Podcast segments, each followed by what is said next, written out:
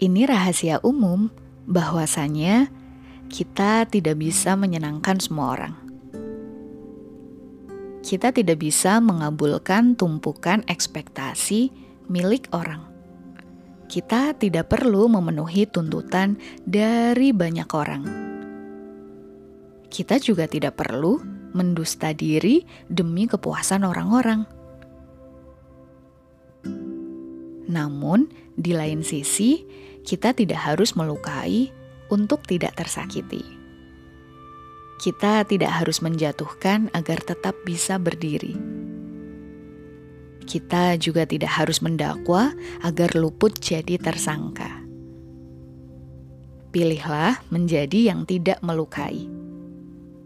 Tapi bukan berarti membebaskan diri akrab dengan dilukai. Jadi, jangan letakkan menerima pada tingkat paling.